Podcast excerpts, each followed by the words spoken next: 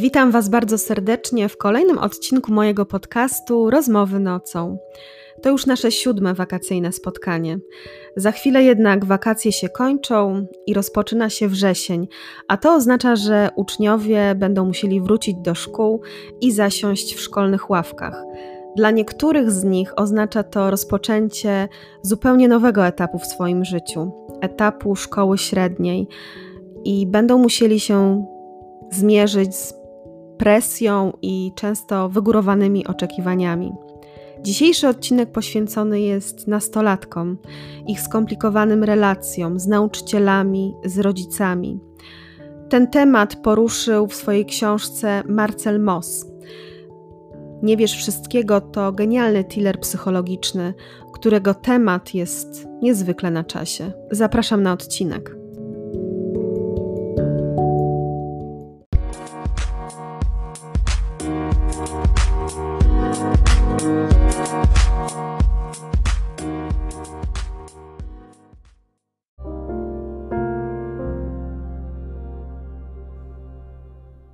Książka Marcela Mossa Nie wiesz wszystkiego to książka dla mnie niezwykle osobista. Ta historia, którą opisał tutaj Marcel Moss, jest historią, która przywołała we mnie wspomnienia również o nastolatkach, których znałam osobiście. O nastolatkach, którzy również byli zagubieni, którzy poruszali się w jakimś czarnym labiryncie, którzy byli niezrozumiani, lekceważeni, ignorowani. Przywołała we mnie historię o dziewczynie, która zmagała się ze swoimi koszmarami, której nikt nie słuchał, która go wołała głosem niesłyszalnym, która dawała znaki, ale nie otrzymała pomocy.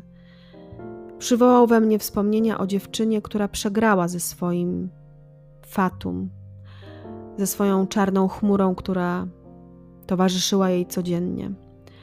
Przegrała i zakończyła swoje życie w momencie, kiedy ono jeszcze się nie zaczęło. Dlatego myślę, że ta książka jest tak ważna, mimo tego, że zalicza się do tak zwanej literatury rozrywkowej, to jednak porusza tematy niezwykle istotne, niezwykle istotne dzisiaj. Dzisiejsze statystyki są alarmujące. Dzisiejsza młodzież wystawiona na ocenianie wszystkich dookoła, musi mierzyć się z sytuacjami, które ich przerastają. Dzisiejsza młodzież jest często pozostawiona sama sobie i przegrywa w tej nierównej walce. A ta nierówna walka to walka o zrozumienie, o szacunek, o proste wartości, o miłość, przyjaźń, o zwykłe dobre słowo.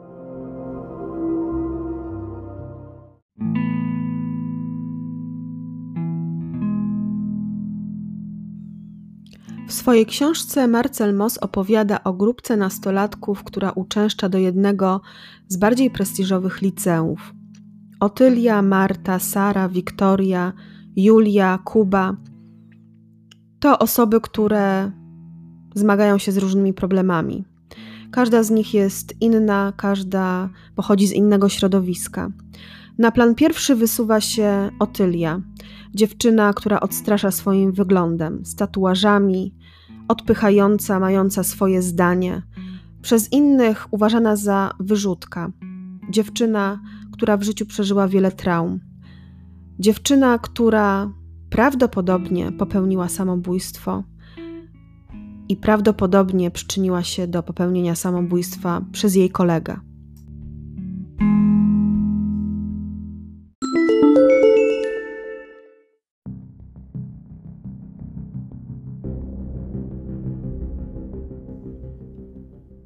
Zaczekaj! Alan robi gwałtowny krok do tyłu. Nie jestem jeszcze gotowy. Otylia przewraca oczami. Wkurzasz mnie. Albo robisz to ze mną teraz, albo idź sobie, bo tylko niepotrzebnie mnie rozpraszasz. No dobrze. Wzdycha chłopak i wraca na miejsce. Na trzy, szepcze Otylia. Zaczekaj! Skąd mam wiedzieć, że skoczysz ze mną? Przecież trzymam cię za rękę. Może puścisz w ostatniej chwili? Otylia wzrusza ramionami.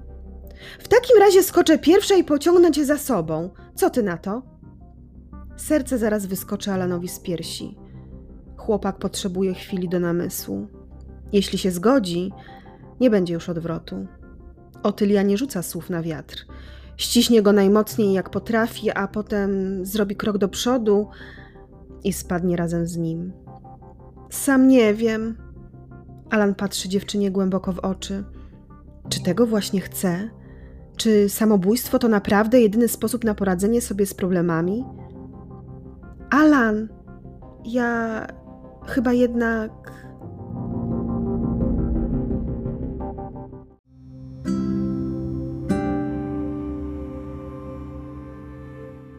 Otylia postrzegana jest przez wszystkich jako osoba niezwykle butna, pewna siebie, dziwna, do której nie warto się zbliżać. Odstrasza nie tylko swoim wyglądem, ale swoim zachowaniem. Potrafi bezczelnie odpyskować, potrafi postawić na swoim, potrafi rzucić ciętą ripostę. Wszyscy stronią od niej. To dziewczyna, która kieruje się własnymi zasadami, która jeśli coś sobie postanowi, to robi to. To dziewczyna, która skrywa mroczne tajemnice, o których zupełnie nikt nie wie.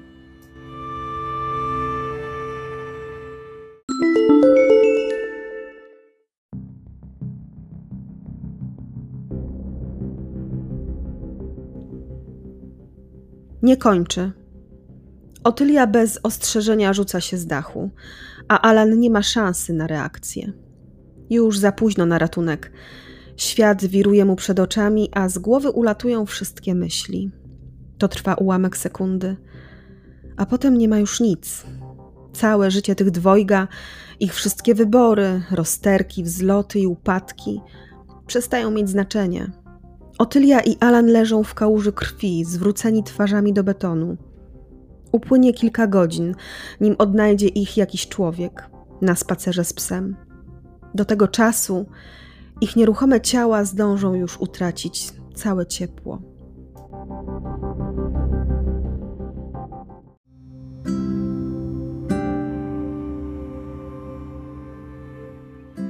Otylia ma przyjaciółkę.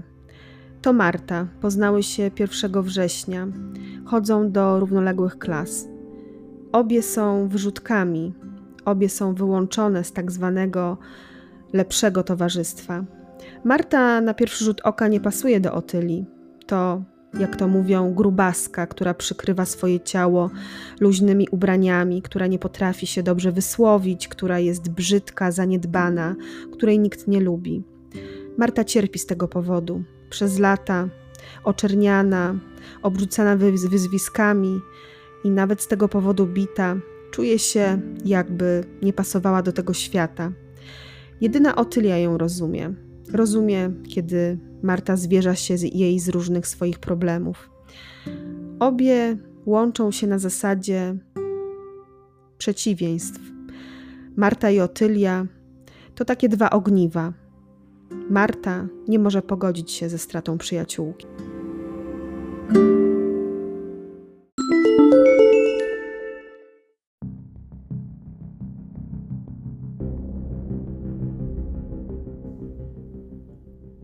Moja najlepsza przyjaciółka i chłopak, z którymi kiedyś byłam blisko, odebrali sobie życie w tej samej chwili. Zrobili to, bo tego chcieli. Odeszli na własnych warunkach, trzymając się za ręce. To wszystko tylko moje przypuszczenia. Jak było naprawdę? Co Otylia i Alan robili tamtej nocy na dachu opuszczonej hali? Dlaczego poszli tam razem, skoro prawdopodobnie nigdy nie zamienili ze sobą w szkole choćby słowa? Co sprawiło, że postanowili targnąć się na swoje życie i czy bardzo się bali? Tego nie wiem, ale wiem jedno: nie spocznę, dopóki nie odkryję prawdy.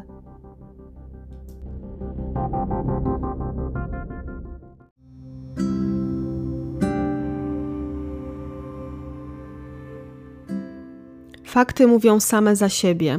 Wszyscy zgodnie twierdzą, że Alan i Otylia postanowili skończyć ze swoim życiem, popełnić samobójstwo i skoczyć z dachu hali. Jednak Marta nie wierzy w to. Nie wierzy, że Otylia mogłaby chcieć popełnić samobójstwo. Nie wierzy również, że mógłby zrobić to Alan.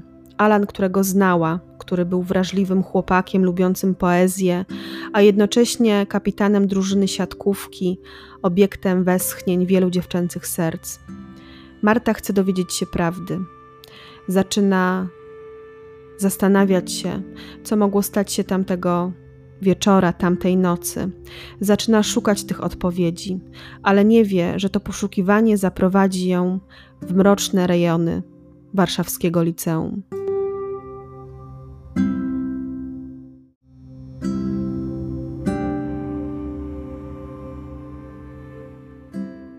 Okazuje się, że nie trzeba być wyrzutkiem w liceum, żeby mieć problemy. Oprócz Marty poznajemy również Sarę i Wiktorię, które są bardzo popularne, które są niezwykle atrakcyjne, a jednocześnie bardzo nieszczęśliwe. Żyją we wspaniałych warunkach, mają pieniądze, mają na pozór cudowne życie w cudownych rodzinach. Ale prawda jest zupełnie inna. Sara i Wiktoria również cierpią, borykają się z ogromnymi kłopotami, są prześladowane przez swoje własne koszmary. Nikt ich nie rozumie, skrywają swoje tajemnice tak, aby nikt nie odgadł, że pod pozorem wspaniałych ciuchów, uśmiechów, tysięcy imprez, na które są zapraszane i na które chodzą, aby pod tym wszystkim nikt nie dostrzegł, że to wrażliwe, dziewczyny, które są na dnie rozpaczy.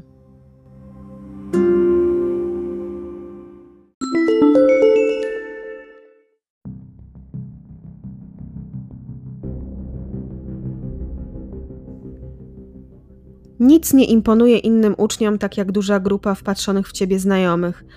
Dlatego, kiedy szłam do nowej szkoły, postanowiłam już na dzień dobry użyć przepustki, która z miejsca zapewniłaby mi awans do szkolnej elity mojej mamy. Dawniej nie mogłam znieść tego, że jestem córką znanej aktorki. Przez lata zmagałam się z kompleksami, niskim poczuciem własnej wartości i życiem w cieniu Zuzy Haman. Oddałabym wtedy wszystko, by zmienić matkę i zacząć od nowa, z czystą kartą. Dobijała mnie świadomość, że czego bym nie zrobiła i jak bardzo bym się nie starała, już zawsze będę tylko jej córką. W końcu odpuściłam. Nie miałam siły na walkę z góry skazaną na niepowodzenie. Zrozumiałam, że muszę żyć pod dyktando mamy, by mnie pokochała. Bunt nie wchodził w grę.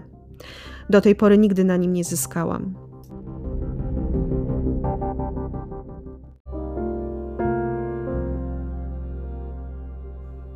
Jednym z głównych powodów osamotnienia naszych bohaterów są właśnie rodzice, tak jak w przypadku Sary, która nie może pogodzić się z faktem, że jej mama traktuje ją niezwykle przedmiotowo, jako maskotkę, jej wizytówkę. Podobnie inni bohaterowie mają trudne relacje ze swoimi rodzicami. Rodzice nie potrafią zrozumieć dorastających dzieci. Wymagają od nich dobrych ocen, ubierania się w stylu odpowiednim do sytuacji, budowania pozytywnych relacji z nauczycielami, z otoczeniem, obracania się w odpowiednim, nieprzynoszącym im wstydu środowisku. Ale to nie jedyny problem.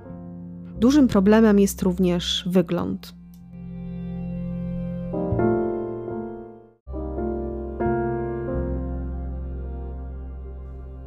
Wirtualny świat pełen pięknych, młodych dziewcząt, zgrabnych, idealnych, sprawia, że dziewczyny w liceum nie potrafią zaakceptować swojego wyglądu. Czują się brzydkie, czują się otyłe, czują się zaniedbane.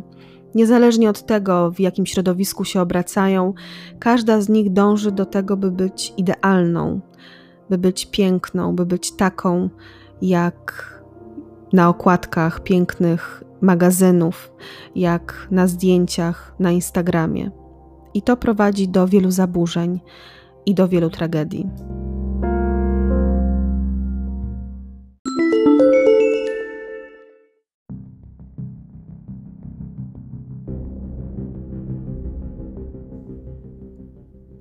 Ciągle coś mi nie pasowało w moim ciele. Ściskałam się za fałdki na brzuchu i nie rozumiałam, dlaczego mimo restrykcyjnej diety nie mogę się ich pozbyć. Denerwowały mnie grube uda, za duże pośladki, a nawet szyja, która w ostatnim czasie jakby mi spuchła. Im mniej jadłam, tym szersza stawałam się w swoich oczach. Czułam coraz większą presję, bo wrzesień zbliżał się wielkimi krokami, a moja waga stała w miejscu. 50 kg przy wzroście 1,68 m wydawało mi się otyłością. Chciałam schudnąć, jeszcze co najmniej 5 kilo, ale nie dawałam rady. Gasłam z każdym dniem i marzyłam o jedzeniu. Któregoś dnia byłam już tak zdesperowana, że zainstalowałam na smartfonie Uber Eats i postanowiłam zamówić sobie wielkiego kebaba z wołowiną i frytkami. Już przechodziłam do płatności, gdy usłyszałam w głowie swój głos. Mówił: Opanuj się, wytrzymaj jeszcze trochę, a efekty będą spektakularne. Cisnęłam więc telefonem o podłogę i schowałam się pod kołdrę. Cierpiałam, ale wiedziałam, że jeśli się poddam, to cały mój wysiłek pójdzie na marne.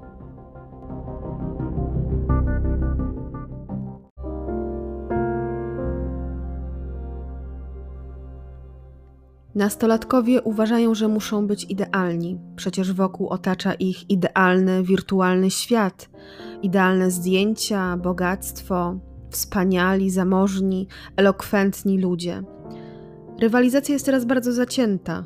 Wszyscy marzą o tym, by się wybić, wszyscy marzą o tym, by być kimś. Pęd do szybkiej kasy, do łatwego, wspaniałego wyglądu, Wizja idealnego świata prezentowana w social mediach powoduje, że młodzi ludzie mierzą się z coraz większymi kompleksami.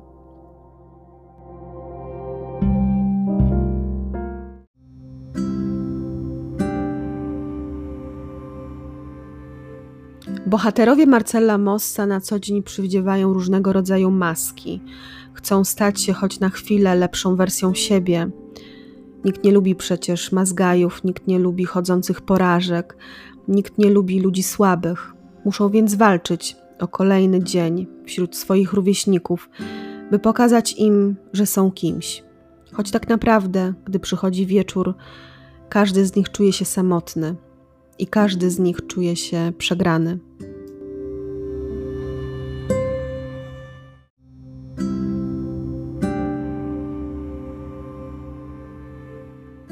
Nasuwa się pytanie, gdzie są w tym wszystkim nauczyciele?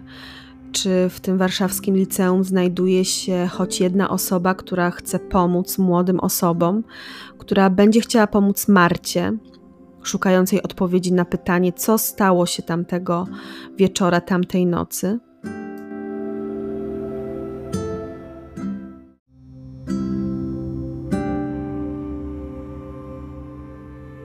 Szkolny psycholog i nauczycielka Julia postanawiają pomóc młodym ludziom. Podejmują kroki, które mają na celu wyjaśnić zagadkę samobójstwa Alana i Otyli, ale przy okazji odnajdują prawdę, która niszczy ich nawzajem.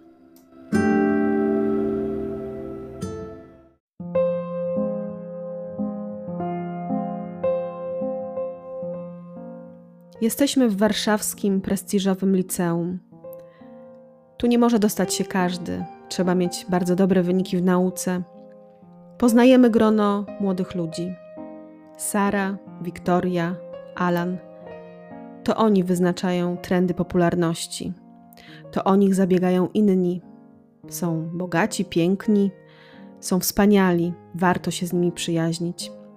Poznajemy też Otylię, Martę i Kubę to tak zwani wyrzutkowie, nie warci uwagi. Są dziwni, nieatrakcyjni, nikt ich nie lubi, nikt nie przysiada się do nich na przerwach, żyją w swoim gronie. I poznajemy tragiczną historię, która wstrząsa liceum.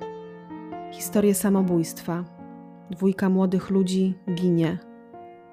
Wszyscy nabierają wody w usta.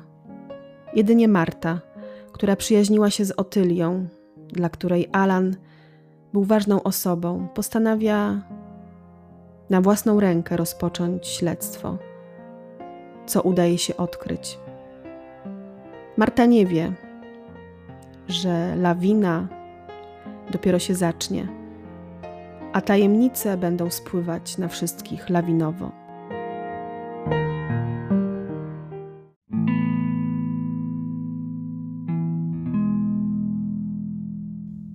Książka Marcela Mossa Nie wiesz wszystkiego to książka poruszająca wiele ważnych tematów dotyczących świata nastolatek.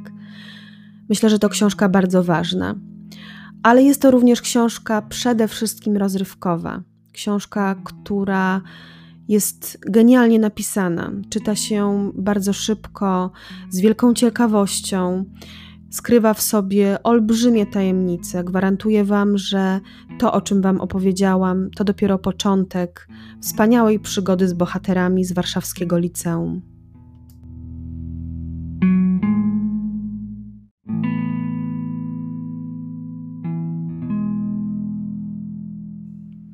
Marcel Most to pisarz, który w swoich książkach zawsze podejmuje tematy społeczne, przyczynia się do gorących dyskusji na takie tematy jak przemoc fizyczna, psychiczna, hejt w internecie, samotność, anonimowość w sieci. Gorąco zachęcam Was do sięgnięcia po inne jego książki, które są niezwykle emocjonujące, trzymające w napięciu do końca, których finał jest zawsze spektakularny i które czyta się z wielką radością, szybko i jest się głodnym kolejnych jego opowieści. Pisarz ma już w swoim dorobku kilka książek. Jedne z jego tytułów to Nie odpisuj, nie patrz, pokaż mi. Zachęcam Was gorąco do sięgnięcia po te tytuły, dlatego że oprócz tego, że są wspaniałą rozrywką, to tak jak wspomniałam, podejmują bardzo ważne tematy społeczne.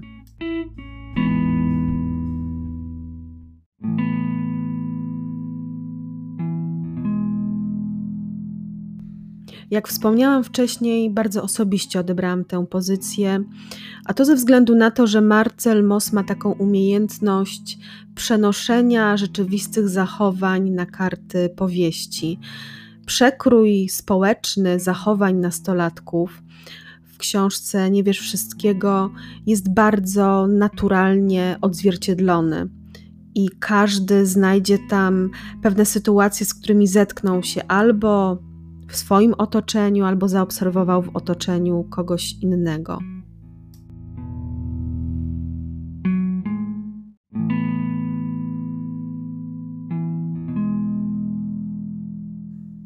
Niezmiernie podoba mi się, że w książce typowo rozrywkowej autor umiał umiejętnie przemycić te tematy ważne społecznie, tematy hejtu wśród rówieśników, niezrozumienia, problemów, z którymi się borykają, a także problemu tego najważniejszego problemu samobójstwa. Myślę, że ta książka powinna wielu osobom otworzyć oczy na te sprawy. Powinniśmy rozejrzeć się, czy wokół nie mamy takiej młodej osoby, która boryka się z problemami. Miejmy na uwadze to, że problemy nastolatków często dla nas błahe, dla nich są niezwykle ważne i często nadrzędne, przerastające ich samych.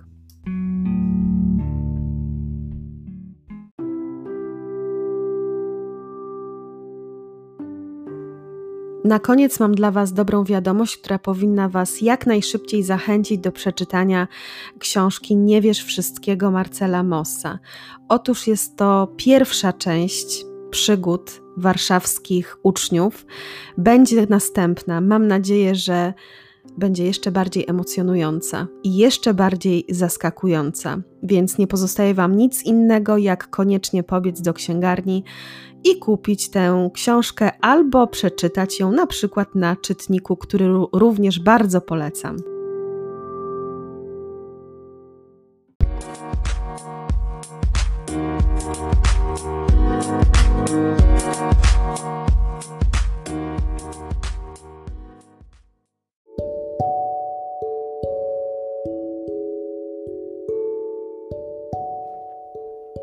Dziękuję Wam bardzo serdecznie za wysłuchanie kolejnego odcinka mojego podcastu. My spotykamy się tradycyjnie za tydzień w piątek o godzinie 21. To będzie już ostatni wakacyjny piątek. Na osłodę tego, że kończą się wakacje, będę miała dla Was odcinek o wyjątkowo dobrej książce i wyjątkowo dobrym pisarzu, którego myślę, że nie znacie jeszcze, bo jeszcze nie jest aż tak bardzo znany, ale myślę, że będzie. A mowa tu o Przemysławie Piotrowskim i najnowszej książce Sfora, ale wspomnę również o jego poprzedniej książce Piętno, która podbiła rynek czytelniczy. A więc jest na co czekać. Tymczasem żegnam się z Wami, życzę Wam udanego wieczoru, udanego tygodnia. Do usłyszenia. Tą sceną rozpoczyna się powieść napisana przez Belindę Bauer Ostrze. Jack w momencie, kiedy mm, podejmuje decyzję o tym, aby zaopiekować się swoimi siostrami, jeszcze nie wie, że ta decyzja będzie decyzją podjętą na lata. Jeszcze nie wie, że na jego barkach spocznie opieka i zapewnienie podstawowych e, potrzeb e, swoim siostrom, że od tej pory będzie musiał borykać się z różnymi przeciwnościami losu i że cała trójka zostanie już na zawsze sama.